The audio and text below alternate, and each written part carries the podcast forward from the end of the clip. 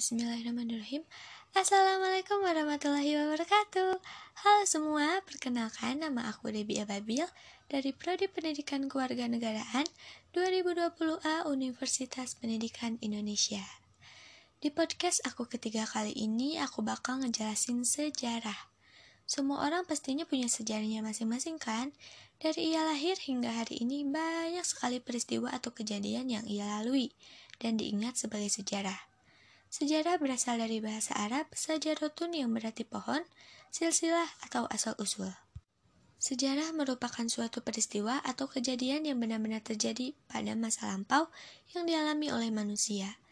Dalam penulisan sejarah dibutuhkan dua pendekatan, yaitu pendekatan sinkronis dan pendekatan diakronis. Model sinkronis lebih mengutamakan lukisan yang meluas dalam ruang dengan tidak memikirkan terlalu banyak mengenai dimensi waktunya. Sebaliknya, model yang diakronis lebih mengutamakan memanjangnya lukisan yang berdimensi waktu dengan sedikit saja luas ruangan. Model sinkronis kebanyakan digunakan oleh ilmu-ilmu sosial seperti sosiologi, politik, ekonomi, antropologi, dan juga arkeologi. Sedangkan model diakronis digunakan oleh ilmu sejarah.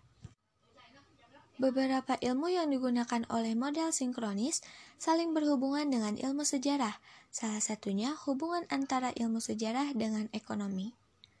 Ekonomi merupakan ilmu pengetahuan yang mempelajari perilaku manusia untuk memenuhi kebutuhannya. Salah satu kebutuhan dasar manusia ialah memenuhi kebutuhan hidupnya, dan dalam perkembangan sejarahnya terus meningkat. Dalam rangka itulah kemudian melahirkan kegiatan tukar-menukar sebagai awal kegiatan perdagangan. Pertukaran barang kebutuhan tersebut secara lokal regional, dan bahkan kemudian merajut hubungan dengan berantai secara internasional sesuai kemajuan interaksi bangsa yang bersangkutan dengan masyarakat atau bangsa lainnya.